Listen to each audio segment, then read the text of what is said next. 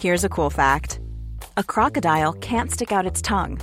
Another cool fact you can get short term health insurance for a month or just under a year in some states. United Healthcare short term insurance plans are designed for people who are between jobs, coming off their parents' plan, or turning a side hustle into a full time gig. Underwritten by Golden Rule Insurance Company, they offer flexible, budget friendly coverage with access to a nationwide network of doctors and hospitals. Get more cool facts about United Healthcare short term plans at uh1.com. Ryan Reynolds here from Mint Mobile. With the price of just about everything going up during inflation, we thought we'd bring our prices down. So to help us, we brought in a reverse auctioneer, which is apparently a thing. Mint Mobile unlimited premium wireless. Ready to get 30, 30, bit to get 30, bit to get 20, 20, 20, bit to get 20, 20, bit to get 15, 15, 15, 15 just 15 bucks a month. So, Give it a try at mintmobile.com slash switch. $45 upfront for three months plus taxes and fees. Promo rate for new customers for limited time. Unlimited more than 40 gigabytes per month. Slows. Full terms at mintmobile.com. Even when we're on a budget, we still deserve nice things. Quince is a place to scoop up stunning high-end goods for 50 to 80% less than similar brands.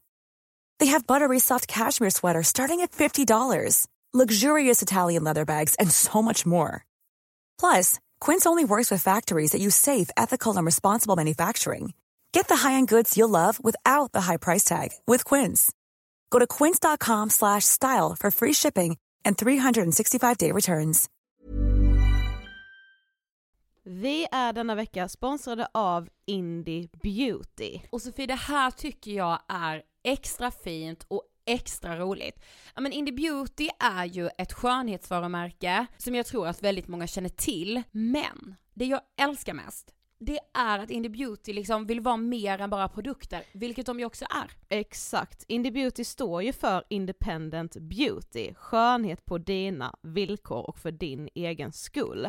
Och Indie Beauty tror ju stenhårt på ett alternativt skönhetsideal fritt från måsten, skam och känslor av otillräcklighet. Där är jag helt med Indie Beauty. Jag med. Det är så jag vill att skönhet ska vara. Ja men verkligen. Och vet du vad som är nytt för i år Sofie? Berätta. Från och med i år så skänker Indie Beauty 1% av sin försäljning till Suicide Zero, Tjejzonen och Djurens Rätt. Så när man handlar produkter från Indie Beauty så kan man liksom känna att man också ger tillbaka till samhället. Ja, kraften i tillsammans. Ska jag säga en sak nu då, Mm. som jag, det, men det är detta jag är extra glad över.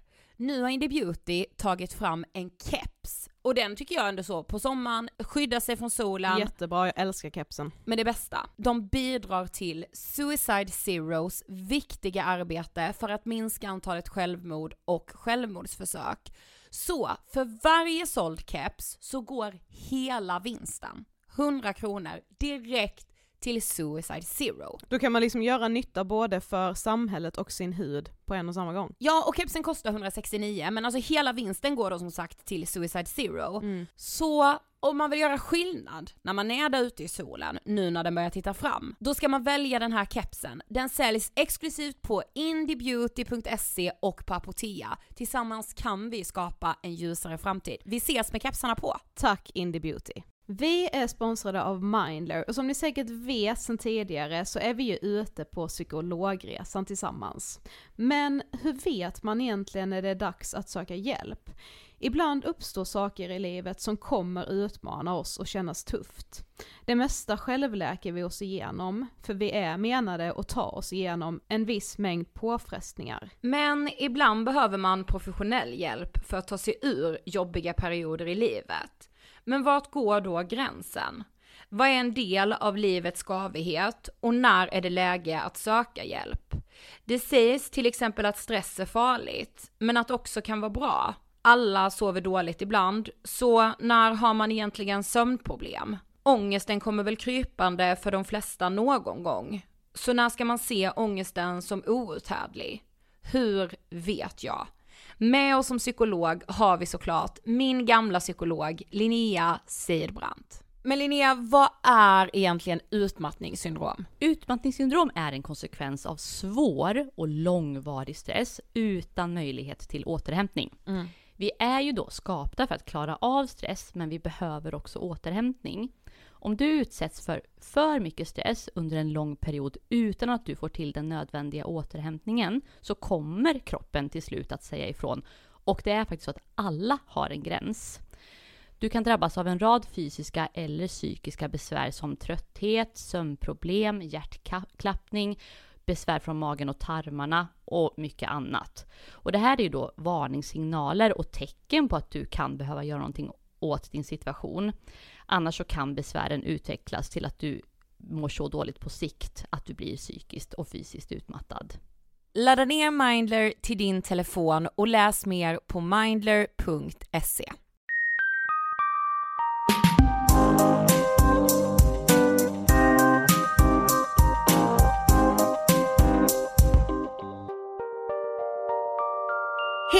allihopa och välkomna till avsnitt 154 av Ångestpodden! Hello, Jag ville typ säga avsnitt 1.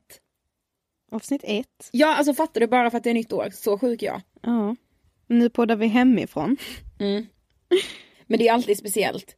Ja, det är lite, det är inte som att sitta i poddstudion kan man ju säga när vi sitter här under ett täcke. Precis. Ja, ja. Men du, Mm. 2018-hetsen, Mm. känner du den? Jajamensan. Ja, jag. Igår var jag nästan i full färd med att avfölja halva min Instagram. Nej men vet du vad jag gick och, och kände typ häromdagen? Nej, vadå? Att så här, jag kände typ den sista veckan på förra året, nej men så här, nu i Mm. mellandagarna och allt nu liksom runt nyår och så, Ja. typ nyårsdagen, att jag tycker det är jobbigt med liksom nytt år och nya möjligheter och hela den här grejen. Och sen så började jag känna typ, vad fan, alltså att jag aldrig har känt så innan och att jag typ kände så här, letar jag efter saker att ha ångest över? Ja, du, snälla. Alltså så här, men vadå, det är väl bara, det är nytt år, ja, skit i att alla andra har nyårslöften. Du har ju sagt att du inte vill ha det. Mm. Du har sagt att du bara ska sätta upp lite så här härliga mål för dig själv. Alltså vad är det att ha ångest över liksom? Men ändå är det typ omöjligt att inte ha det. Jag vet, och nej men alltså det där med att leta efter saker, Mm, ju- så har jag ju hållit på. mm, Det pratade vi lite om i både jul och nyårsavsnittet att så här, ja men okej då kanske man ska vara orolig för jobbet. Nej man kanske ska vara orolig för kärleken. Nej man kanske ska vara orolig för vem man är förresten. ja, vad man vill. Ja precis, alltså du vet så här, som att man ständigt måste ha ett jävla orosmoln att kunna älta kring. Mm. Att man typ har blivit trygg i det. Alltså så här, och nu har vi ändå gjort Ångestpodden, det här blir liksom tredje året. Oh my god. Ja, och att jag liksom gick och kände så här häromdagen bara, fan alltså, jag, att jag typ började känna någon rädsla över att andra ska tänka att vi bara letar efter problemen. Ja precis, att så här, bara, ah, hur pallar ni göra det där hela tiden? Ja men och så här bara, det är alltid något liksom att ha. Ja. Man bara, ja tyvärr. Men alltså är, det är skitsvårt att vara människa.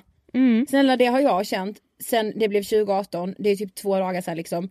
Du vet så jag bara hur fan gör man livet? Jag vet verkligen inte. Nej. Jag är så jävla vilse. Och så här bara, ja ah, men gör, gör si, gör så. Var snäll mot dig själv som jag alltid säger själv. Och jag bara, men hur ska jag veta? Mm. Ja, ja, ja, ja. Men du, ett av de verkligen så här vanligaste nyårslöftena, eller de sakerna jag ser, vet du vad det är? Mm, Ja det kan jag väl tänka mig. Mm. Det är ju det här med att gå ner i vikt. Mm. Och innan vi startar dagens avsnitt som ska handla om eh, ätstörningar ännu en gång Mm. så måste vi ju presentera dagens sponsor som är nelly.com. Yay! Och där kan man väl inte tänka att så här i eh, modeindustrin så är det väldigt ytligt. Ja, i modebranschen liksom. Ja, och det är väl, har varit väldigt mycket så här smalhets. Mm. Ja, men du vet, jag tänker så här tidigt 2000-tal, mm. då, skulle, då var det så här size zero, kommer du ihåg när det kom upp på kartan? Åh liksom? jävlar ja. det, och det var ju liksom världens grej, att så de stora modehusen i världen typ så strävade mot ett sånt ideal. Mm. Vilket är, alltså det är så sjukt så att jag inte vet vad jag ska göra liksom. Mm. Jag tänkte lite på det igår, för igår så att jag kollade på så här massa gamla eh, videoinspelningar från när jag var jätteliten. Ja. Eh, och liksom när jag typ började bli så här 6, 7, 8 år Mm. och insåg då att jag har ju alltid nästan varit en så här idealkropp Alltså jag var liksom inte tjock när jag var liten. Jag har alltid typ så här varit så lång som man ska vara i den åldern jag har varit i. Det är typ först nu på liksom senare dagar. Ja. Nej men efter 20 liksom. Mm. Så man sa, ja i vissa kläder har jag large och i vissa kläder har jag liksom eh, medium. Alltså du vet så här att det pendlar väldigt mycket beroende på vad, hur man vill att saker ska sitta och Precis. bla bla bla. Så det är först nu jag har insett liksom hur jävla skevt det här idealet är Ja. och hur påverkad man liksom är av det. Och jag kan inte liksom typ tänka mig hur det kan vara att redan i ung ålder leva i det, att känna att så här, nej kläderna på barnavdelningen passar inte mig. Eller så här, Nej, jag jag har största storleken, typ så här, man vet ju att det var folk som liksom klippte bort sina lappar för att så här, in, det skulle inte synas vilken storlek man hade när man liksom, Men om man vet- nu hade en stor storlek. Men du vet jag minns att det var en grej, typ när jag kanske gick i femman eller något, att fråga så här, vilken storlek har du? Ja, Man bara va? Det är så jävla orelevant vad någon har för storlek. ja, det viktiga är väl hur det liksom sitter på kroppen. Och att man trivs. Ja, Och det, det älskar jag verkligen med Nelly. Vi har ju verkligen pratat jättemycket med Linda och Nina på Nelly och just pratat om att så här, vikten av att trivas i det man har på sig. Då spelar det inte någon roll, inga så här trender, vad som är modernt, inget sånt spelar ju någon roll. Så länge man trivs. mm. och det är så jävla viktigt tycker liksom både vi och Nelly. Så tack Nelly.com. Och eh, på tal om så här vikthets då, Mm. så ska vi ju som sagt återigen ta upp det här med ätstörningar. Som det, det är så många av er som har önskat att vi ska prata mer om det. Ja men alltså jag kan så här, känna att ni typ vill att var femte avsnitt ska handla om ätstörningar. Väldigt, väldigt många av er önskar det och eh, ja, Nej men så här, jag förstår det, för så vanligt som ätstörningar är idag bland kanske främst unga tjejer, det är såklart killar också som drabbas. mm, otroligt mörkertal också bland killar. Ja, och att det liksom har blivit lite, ja men så här, nästan för normaliserat. Ja gud ja, alltså du vet så här, lite trendigt nästan. Ja, och så här, jag minns ju liksom när vi gick i typ högstadiet, det var ju liksom hela klasser som Ja. mådde liksom dåligt i form av ätstörningar. Jag vet. Men med oss idag så har vi Pillan Telaus. Mm. Och eh, ja, men hon känns ju verkligen som en kär gammal vän eftersom hon var med i vårt liveprogram Projekt Z Live Mm. som vi gjorde i april 2017. Och jag har ju följt Pillan på Instagram sen urminnes. Ja men jag också. Ja. För hennes, ja men så här, jag vet att jag sa det till henne, att hennes texter som hon delar på sin Instagram där hon heter Pillan Tolaus. Mm. Nu handlar de kanske inte främst om ätstörningar även om vissa delar gör det. Mm. Men hon beskriver liksom den här kampen i att känna sig ensam, att inte veta vem man är, Ja. att hela tiden vara vilse på ett sätt som det berör mig och träffar mig, mm, alltså på ett helt sjukt sätt. Ja men också det här med att vara en väldigt djup person som har väldigt mycket känslor och som Alltså när man inte vet hur man ska hantera ångesten. Precis, och det pratar vi om också. Mm. Och så pratar vi om pro Anna-konton och hela den där världen och hela liksom communityt som har skapats kring att ha en ätstörning. För det finns liksom ingen annan sjukdom som har det här starka, men ska man säga community Sofie? Ja det kan man väl. Och alltså de kallas inte pro Anna utan det kallas recovery-konton. Mm. Och jag tror att skitmånga av er är bekanta med den sortens konto. Alltså ett konto där man får följa någons viktresa från att vara sjuk i kanske anorexi, bulimi eller någon annan ätstörning och sen då ska den här personen visa sin resa till ett friskt liv. Men vad gör det egentligen med andra sjuka personer, med friska personer? Att följa de här resorna såklart mycket bra men det finns en baksida av det också och det känns så extremt viktigt att prata om. Ja och vad betyder ens frisk? Exakt. Mm. Men nu ska vi inte dra ut på det längre. Vi rullar intervjun med Pillan. Varsågoda!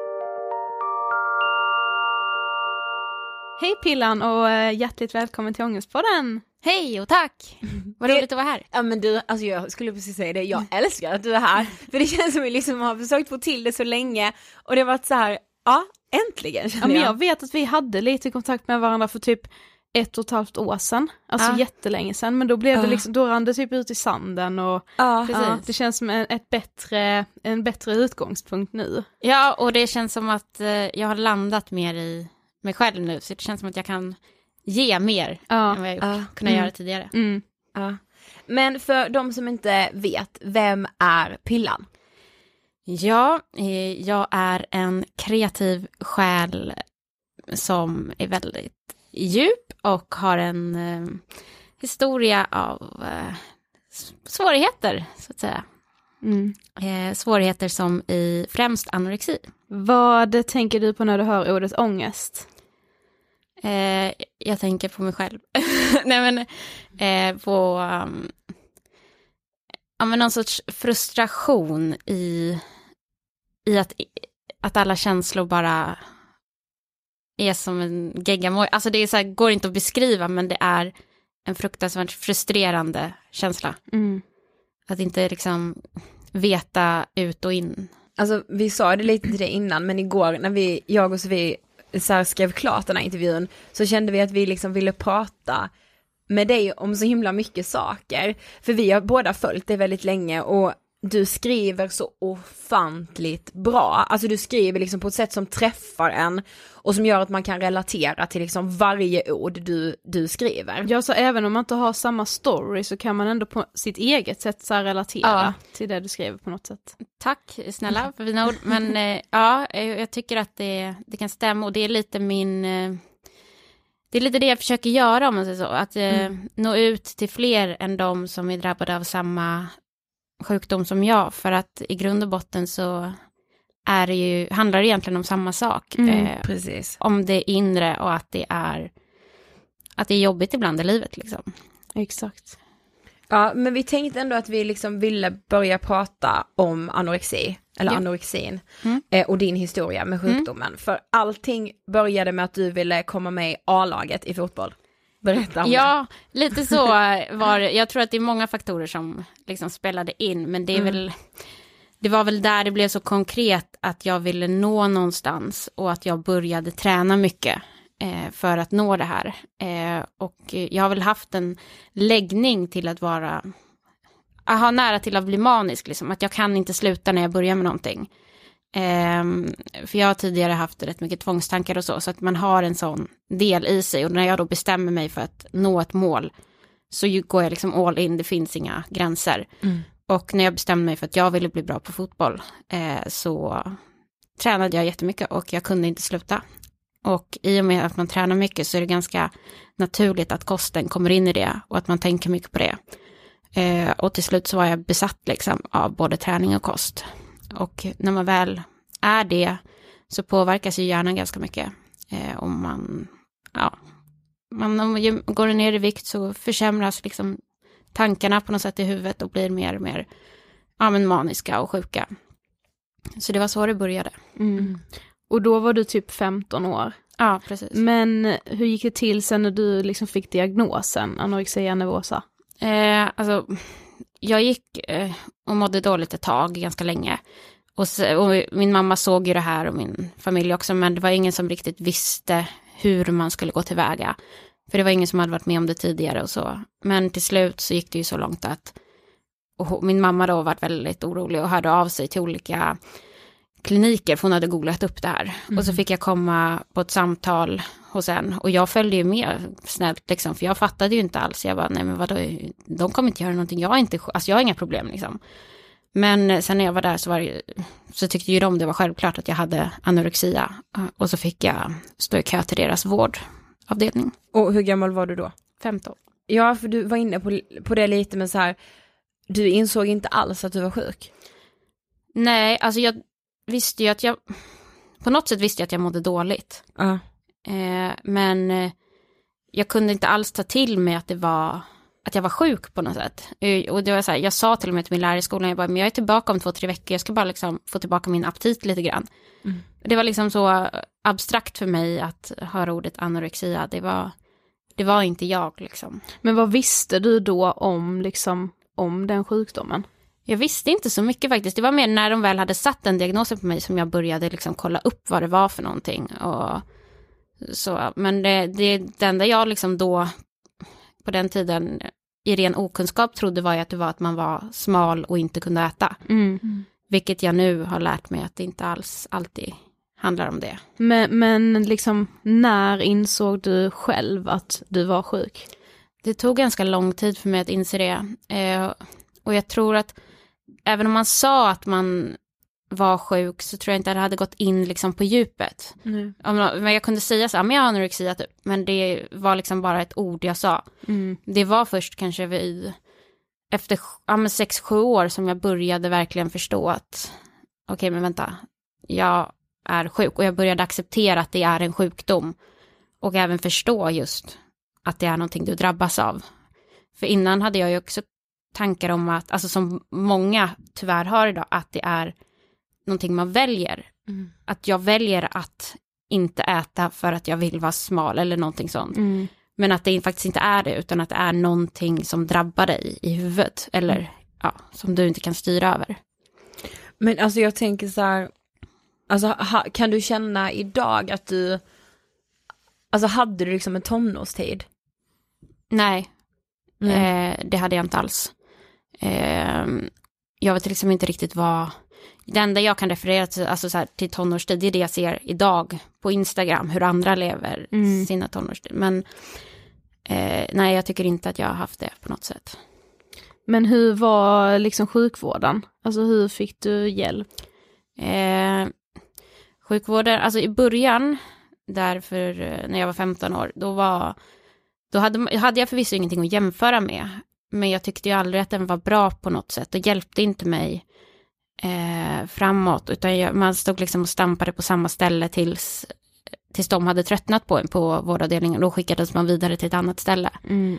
Eh, men eh, just så senare i min sjukdomsperiod, när jag varit inlagd, så har det ändå varit vissa förändringar.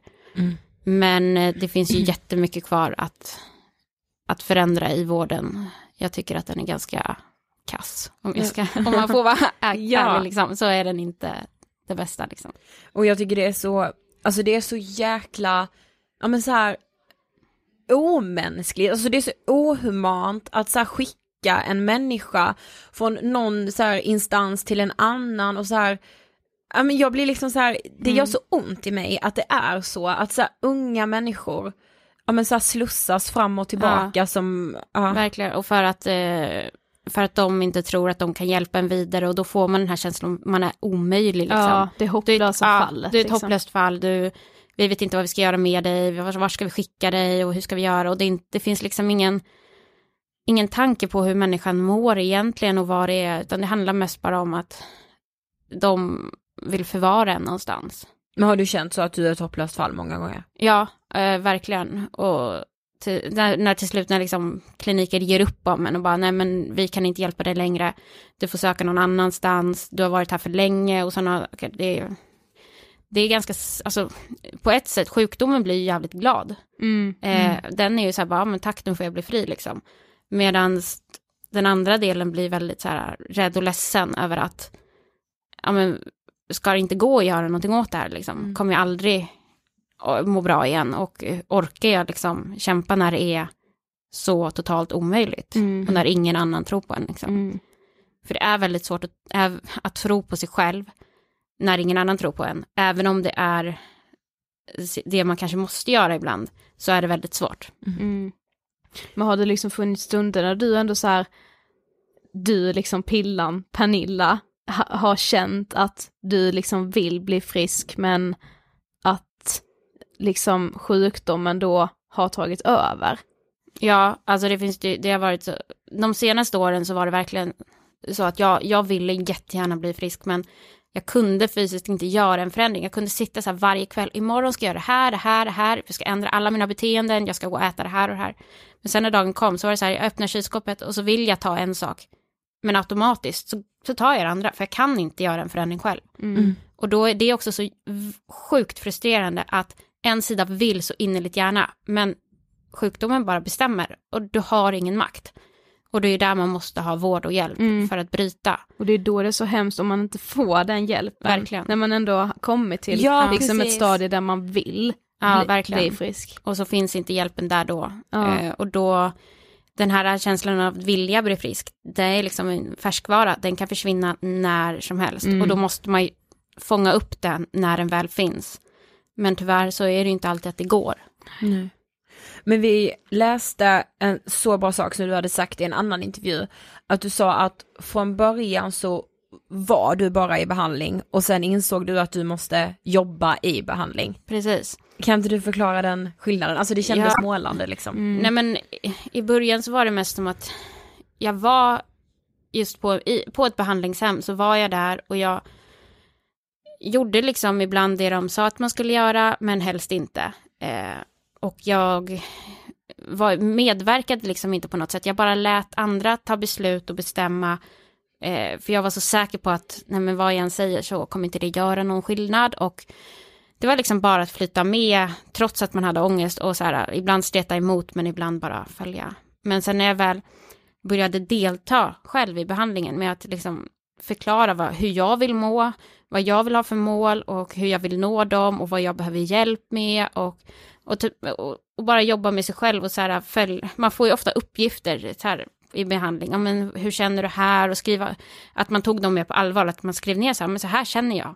Och var liksom helt ärlig. Och så visade man det kanske för sin behandlare och sa, men så här känner jag, då det, har man någonting att jobba med. Mm. istället för att man bara skiter i det där, lite som i skolan, om du inte pluggar liksom och bara skiter i allting, ja då blir det ju kanske inte ett jättebra resultat, men om du väl anstränger dig och så här, ja, då får Mm. du kanske ett resultat. Mm. Och det var väl det som var största skillnaden för mig nu på slu- alltså de sista åren när jag har varit sjuk, är att jag ville ju verkligen bli frisk, så jag ville ju bara göra allt jag kunde och då är det ju bara att liksom vara så ärlig som möjligt eh, mot dig själv, alltså beskriva sjukdomen precis vad det är som är svårt och inte så här låta den ta över och säga nej men det här ska jag nog inte berätta för att då kommer någon bara tvinga mig att gå emot det här. Mm. Utan att det är just det du måste säga. Mm. Eh, För det är ju jättelätt hänt att, all, att man liksom håller tillbaka det som egentligen är svårt för att man egentligen är så rädd för att bemöta det. Liksom. Mm. Och säkert att man skäms också över det. För att Verkligen. Så här, ja, vad är detta och må dåligt Ja, över liksom. ja men det är verkligen så. Och Ja. det, det är jättesvårt för att man, man skäms ju otroligt mycket för att det är så konstiga beteenden. Men samtidigt så måste man någonstans också förstå, och det är det jag försöker förmedla också, att du kan inte skämmas över det här för att det är inte du som väljer det. Det är liksom så samma sak som med cancer, du kan inte skämmas för att du får en cancer, för att, en, en cancersort, för att Mm.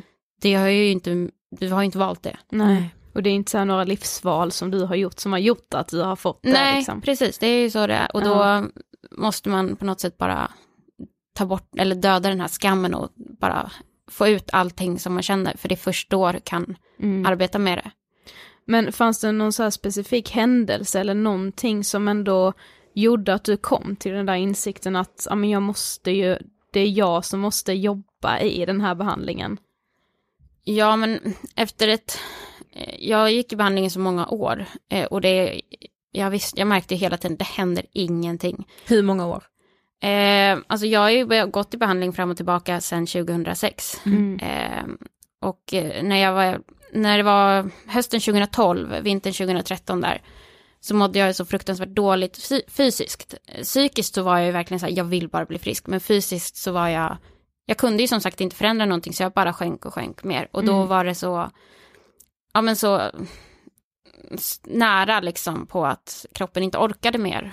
Så då ville jag ju verkligen kämpa och då, och då orkade inte heller mitt eh, huvud streta emot på något sätt och bara eh, i- förändrade jag. Men sen höll inte det för att någonstans så hade jag väl bara hastat fram det. Eh, Mm. För jag gjorde, då gick jag i behandling i två och en halv månad och sen slutade jag liksom. Och trodde att jag var redo för världen.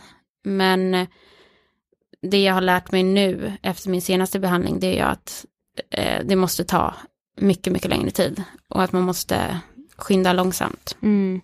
Men det är så här, ja, nära döden-upplevelser är ju alltid liksom tankeställande och får en att, att tänka till. Men när du gästade vårt program Projekt Z Live, A lot can happen in the next three years. Like a chatbot may be your new best friend. But what won't change? Needing health insurance. United Healthcare Tri Term Medical Plans are available for these changing times. Underwritten by Golden Rule Insurance Company, they offer budget friendly, flexible coverage for people who are in between jobs or missed open enrollment. The plans last nearly three years in some states, with access to a nationwide network of doctors and hospitals. So, for whatever tomorrow brings, United Healthcare Tri Term Medical Plans may be for you. Learn more at uh1.com. Since 2013, Bombas has donated over 100 million socks, underwear, and t shirts to those facing homelessness. If we counted those on air, this ad would last over 1,157 days. But if we counted the time it takes to make a donation possible, it would take just a few clicks. Because every time you make a purchase, Bombas donates an item to someone who needs it. Go to bombas.com slash ACAST and use code ACAST for 20% off your first purchase. That's bombas.com slash ACAST, code ACAST. Quality sleep is essential. That's why the Sleep Number Smart Bed is designed for your ever evolving sleep needs. Need a bed that's firmer or softer on either side? Helps you sleep at a comfortable temperature? Sleep Number Smart Beds let you individualize your comfort so you sleep better together. JD Power ranks Sleep Number number 1 in customer satisfaction with mattresses purchased in-store. And now, save 50% on the Sleep Number limited edition Smart Bed for a limited time. For JD Power 2023 award information, visit jdpower.com/awards. Only at a Sleep Number store or sleepnumber.com. Så pratade vi en del om eh, att din mamma blev väldigt medberoende i din sjukdom. Ja, men det var liksom, min mamma eh, visste ju heller inte alls om vad den här sjukdomen var för någonting. Och det var inte så att hon fick ju ingen hjälp på något sätt. Och det var ju ingen som förklarade, hon skulle hantera mig och så, så att hon kunde ju inte stå emot mig och jag kunde liksom alltid bestämma och säga så här, ja men så här gör vi på sjukhuset, fast det var inte alls gjorde så. Och det Mm. var så här, då kunde ju inte hon säga någonting. Eh, Och ja, det var väldigt lätt att köra över henne, att min, eller att min sjukdom körde över henne. Mm. Eh, Och det, kan jag, det klandrar jag absolut inte henne för, henne för, för att eh, hon hade ju som sagt ingen aning och det är ju jättesvårt att stå emot när ens barn Ja.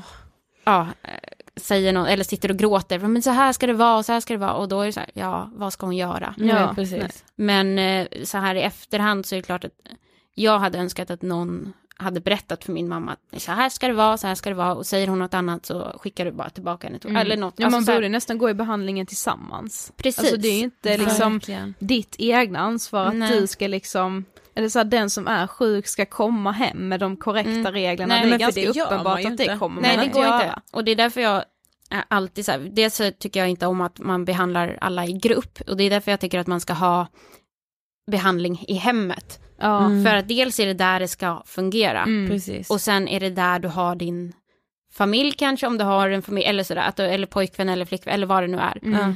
Eh, och det är ju de som också måste vara med i hela behandlingen för att det ska funka. Mm.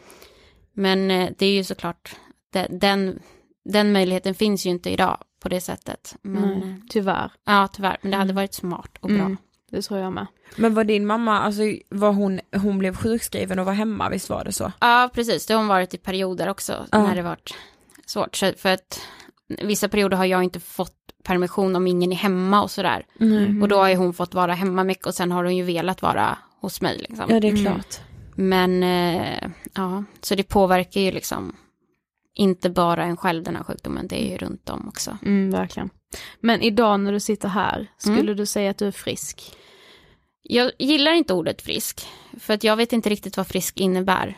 Eh, jag tycker att det är ett jättesvårt begrepp, eh, och speciellt i dagens samhälle. Mm. Eh, man har ju en vision om att friska är problemfria, men, men det är ju inte så. Och därför vet jag ju inte vad frisk är. Men jag är fysiskt återställd och jag har inte ångest över mat och kropp.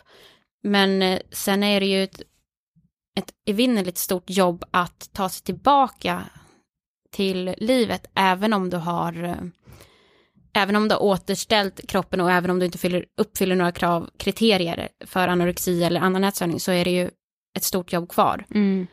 Eh, och det är väl där jag kan känna att jag är. Men det är så intressant att du, att du säger det, vi antog nästan att du skulle svara Ja, någonting sånt den frågan. På, på den frågan. För jag märker med väldigt mycket att jag får alltid den frågan i alla intervjuer, men är du frisk från din panikångest? Ja. Så, här, för, jag har ingen aning. Vad, vad är det liksom? Ja Och- precis, är det då att jag aldrig mer ska få de tankarna, alltså det kommer väl alltid finnas i min ryggsäck. Ja men alltså, precis, så här- det är liksom, det är svårt att säga, sen kan man ju definiera liksom eh, frisk så att, ja men du uppfyller inte de här kriterierna Ja, för den här precis. diagnosen, men det försvinner ju inte från ditt bagage och det försvinner ju inte från någonstans inne i huvudet liksom, sitter Nej. det kvar. Ja, exakt. Men sen har man ju sätt att hantera det på idag kanske, Ja. än Mm. man haft tidigare. Ja, för det är också lite intressant, för det, det känns lite som en vattendelare, för att vissa säger att har man liksom en gång haft en ätstörning så finns den där på ett sätt, att man Mm. liksom inte kan bli frisk, Mm. medans andra sidan då kan bli arg på de som säger att man inte kan bli frisk för att man visst Mm. det kan det, för annars låter det så här ho- väldigt hopplöst. Ja, Hur Men då- tänker du kring ja. det liksom? Ja, alltså jag är- är ju själv i den frågan att jag inte vet, men jag Mm. känner så här, det beror på definitionen av frisk liksom. Ja precis, ja, men för jag skulle precis säga det där blir, det blir ju verkligen det ordet som blir Ja. problemet på något sätt, att Precis. så här frisk. Och att Ja. det frisk eh, liksom måste, ja men att man inte får lägga så stora värderingar i ordet frisk. Nej, För det blir så otroligt laddat eh, och kopplas ofta till någon sorts perfektion. Mm. Och att det är det som man måste få bort. Men alltså vi får så extremt mycket mail och meddelanden från Alltså framförallt unga människor men också äldre som skriver till oss och verkligen vill att vi ska göra fler avsnitt om ätstörningar. Och i- igår så satt vi i vår mail och läste många av de här mailen. Och upplevde då att många beskrev det som att så här, de mår skit i sin ätstörning, de, alltså de mår otroligt dåligt, men ätstörningen är också en otrolig trygghet. Mm. Kan du relatera till det? Verkligen. Ja, det är ju som med allting, det du har, det är ju på något sätt tryggt. Och det du inte har eller känner till, det är ju otryggt. För det ovissa är ju liksom, det skapar ju rädsla. Och det gör det ju, eller det har det gjort hos mig också väldigt mycket. Att eh, sjukdomen har ju varit det här, ja men det här vet jag, här, här är jag trygg. Mm. För det här, här behöver jag inte utsätta mig för någonting som är jobbigt, jag kan bara hålla mig till det där jag känner att, ja men att jag är, safe liksom. Eh, och samma sak, eh, du har i sjukdomen sjukdomsvänner till exempel. Mm. Du har en sysselsättning i att vara sjuk. Och du har på något sätt, ja men ditt hem i sjukdomen. Men eh, utanför den så kan det vara jävligt tomt. Och där är det ju en jättesvår balansgång att hitta nyfikenheten på det här tomma, att hitta nyfikenheten att bygga upp någonting nytt. Eller istället för att då vara rädd för det. Det är en jättesvår balansgång och det enda sättet att liksom stiga över den tröskeln till att börja känna nyfikenhet är ju att hela tiden våga testa. Mm. Våga lämna en viss del av det trygga bakom dig och gå in i det otrygga.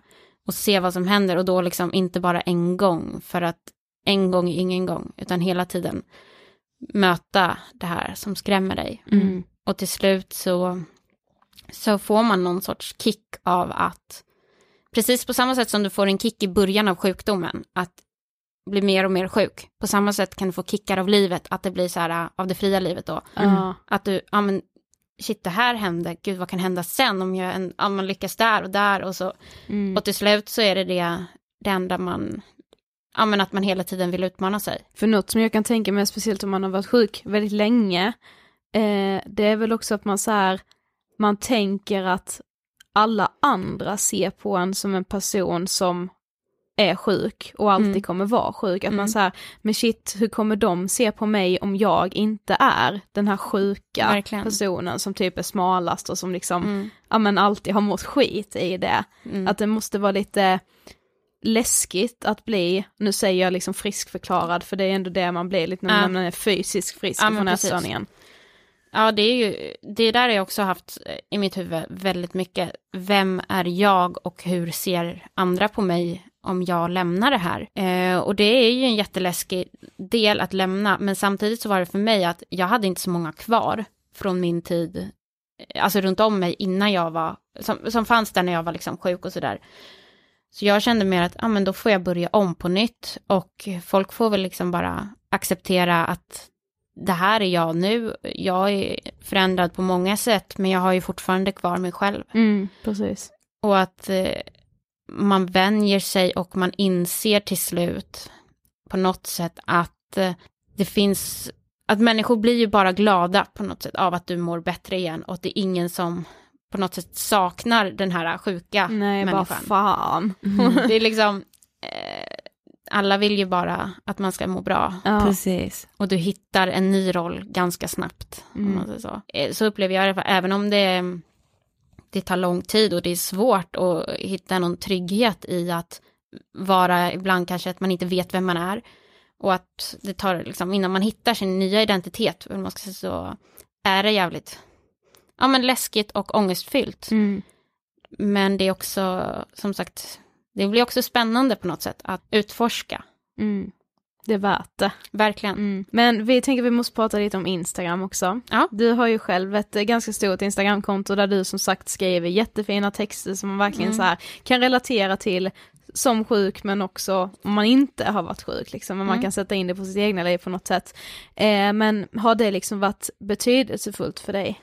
Ja, jag tror att det, alltså det är inte så att jag inte skulle klara mig utan det, om man säger så. Men jag tycker om att skriva och jag tycker om att dela och jag tycker om den responsen man får över att många är tacksamma.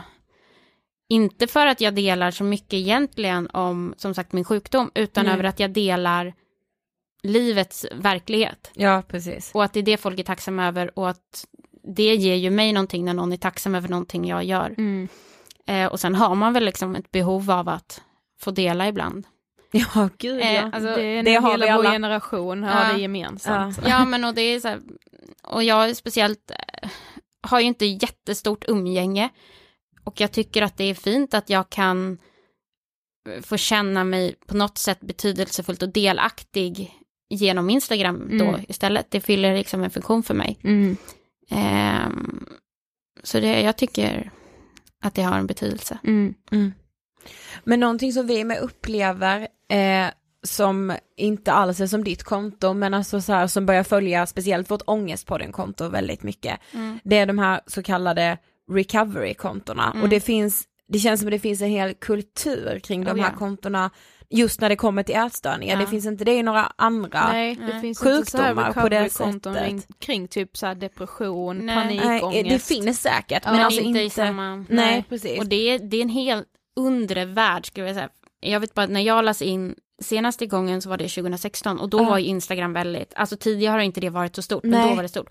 Och då var det som när jag kom dit, alla visste ju redan vem jag var. Ja. För folk hade ju redan sett mig på Instagram och så hade alla pratat och sen när det skulle komma någon ny patient så sa de, ja men det är den här, det är bara att titta på Instagram där. Och du vet så här, det finns en hel, alla vet vilka alla är och Ah. alla jämför sig med varandra och så här, lägger ut bilder och speciellt om man är inlagd och följer varandra som inlagda så ser man vad den har gjort i helgen och hur den har klarat sig och då jämför man sig och Mm. sjukdomen jämför ju aldrig på ett positivt sätt. Att, ja men gud, jag klarar i alla fall av att vara hemma och göra det här. Utan det är snarare så här, nej men gud om den gjorde så, då måste jag också, alltså jag måste också göra så. Alltså, Mm. Ah. jämför helt fel. Ja för jag tänker att det här, det står ofta på den så här, inget pro-Anna och Nej. för pro-Anna betyder väl då att man skulle vara för anorexi. Ja men att man skulle vara peppar någon... folk att bli sjuka på något sätt. Ja. Eller att man, även om det inte är medvetet, så att man har en sån, Mm. eh, sån bild liksom att man delar saker som kan få andra att bli sjuka. Mm. Ja. Men ja för jag tänker så här, det kan inte vara en bra grej. Nej men Nej. så här, så vill jag inte säga heller för samtidigt kan jag tänka mig att det är väldigt skönt att liksom ha någon eller några att dela det med. Men det är ju en otrolig fara när det blir, ja men som du beskriver det, att så här, åh nej, nu jämför jag mig och den, nej jag måste gå ner lite Men det till är också eller jag måste, vad de det nu som kan har vara. de här, oh, förlåt nu avbröt jag. Ja, men Men de som har de här recovery-kontona, det är oftast de som är väldigt sjuka. Mm. Och när du är så sjuk så, har, så kan du inte tänka på samma sätt som vi kan tänka här och nu. Nej. Utan du vill ju bara dela för du vill ha någon sorts bekräftelse, eller sjukdomen vill ha. Det låter kanske konstigt, men det är så att du söker en bekräftelse på att du är smal. Mm. Och att det är det du får genom de här bilderna. Eh, eller att du skriver någon, ut siffror, hur mycket du väger. Det är också en så här, det är ett sökande efter bekräftelse och det är väl en form av eh, rop på hjälp. Mm.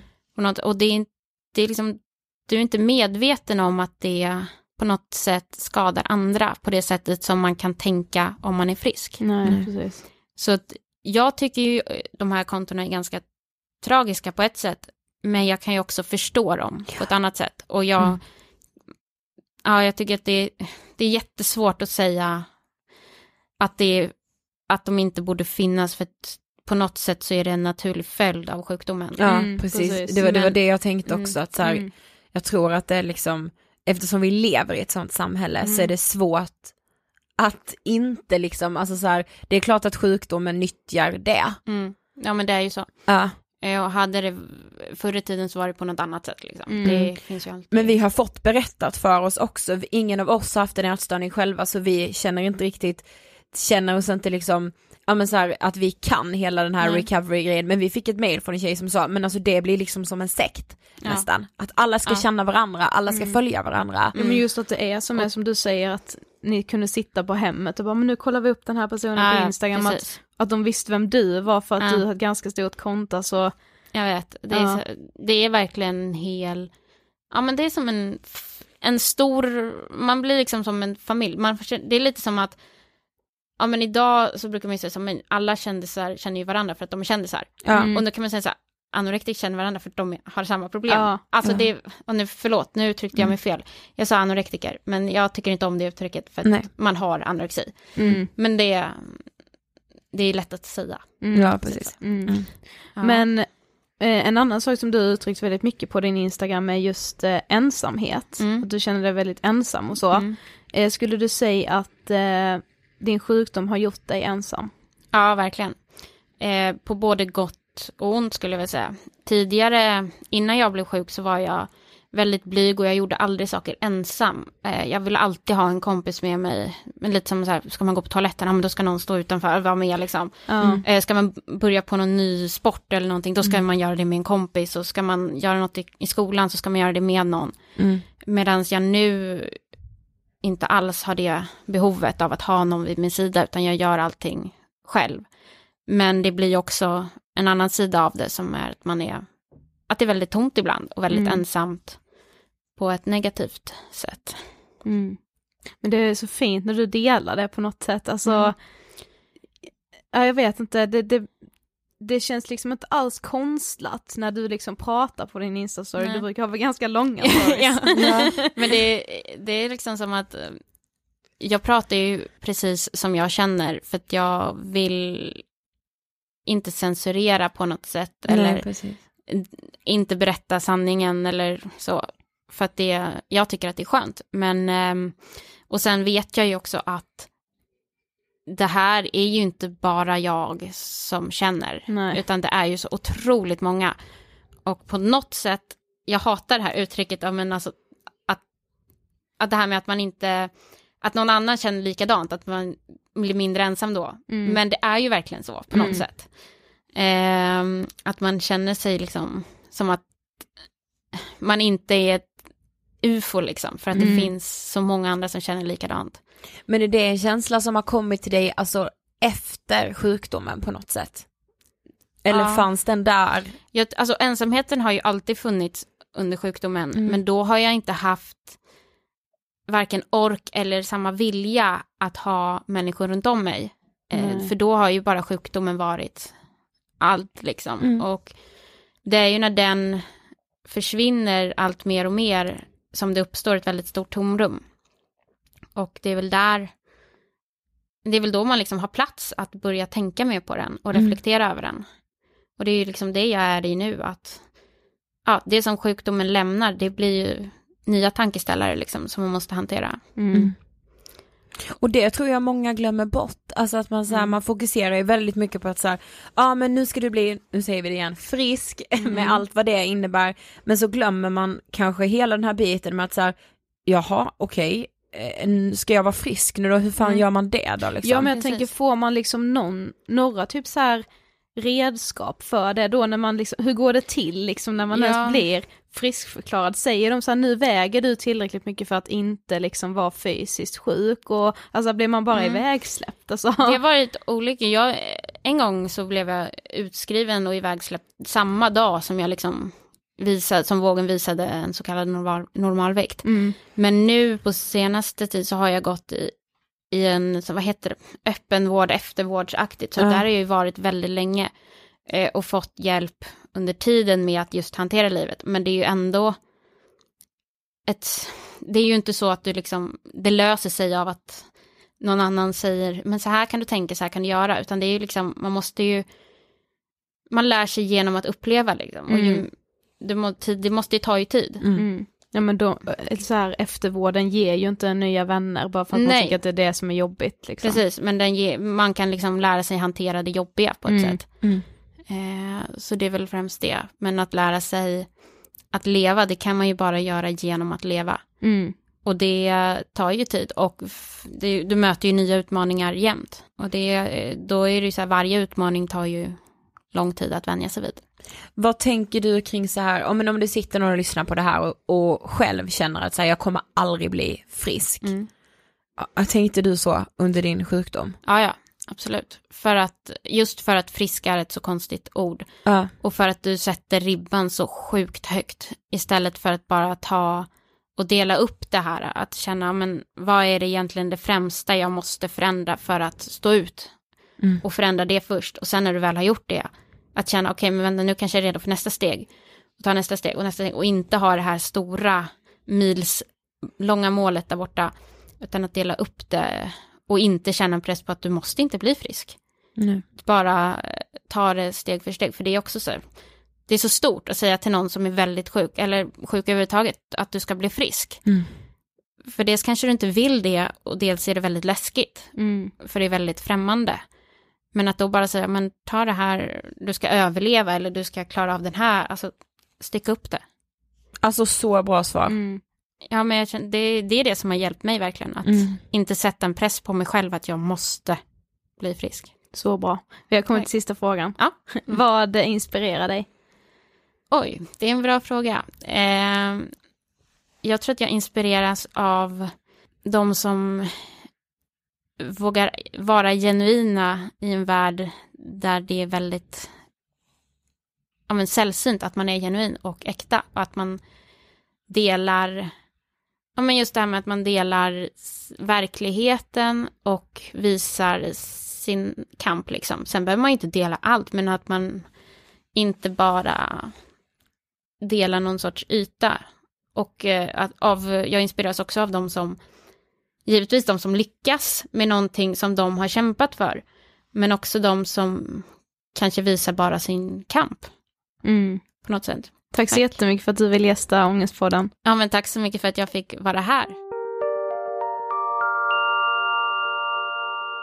Vet du vad jag tycker om? Nej. Eller så här, verkligen känner med. Mm. Det här med att inte tycka om ordet frisk. Ja. Ja men precis som jag sa i intervjun, det här med att man är så här, ja, men frisk från sin panikångest. Alltså vad fasen är det där? Nej. Ja men och precis som att man då har blivit så här, alltså då blir det ju ännu mer ett bakslag om man liksom hamnar tillbaka i det igen. Mm. Alltså vet att få stämpeln att, ja men nu är du frisk.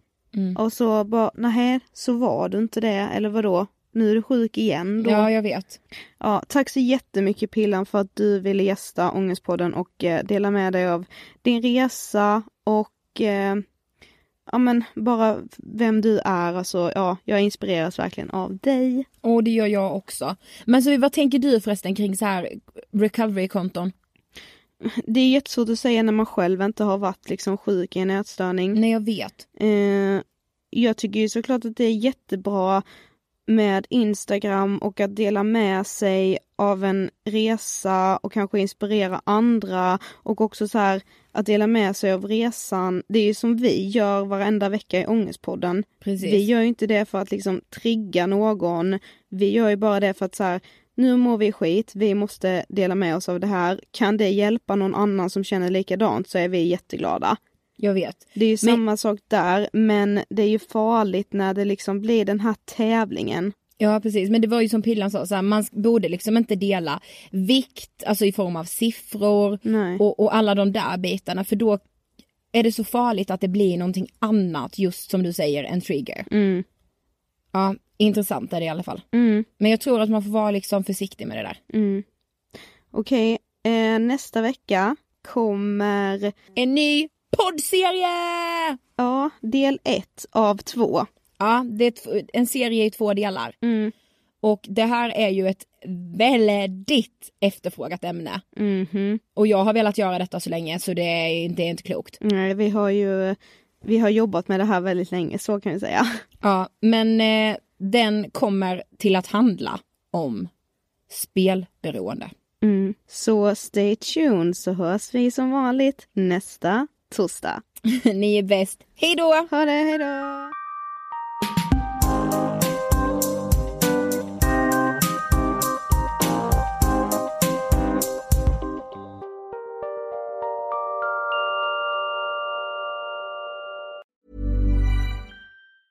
Hey, it's Danny Pellegrino from Everything Iconic.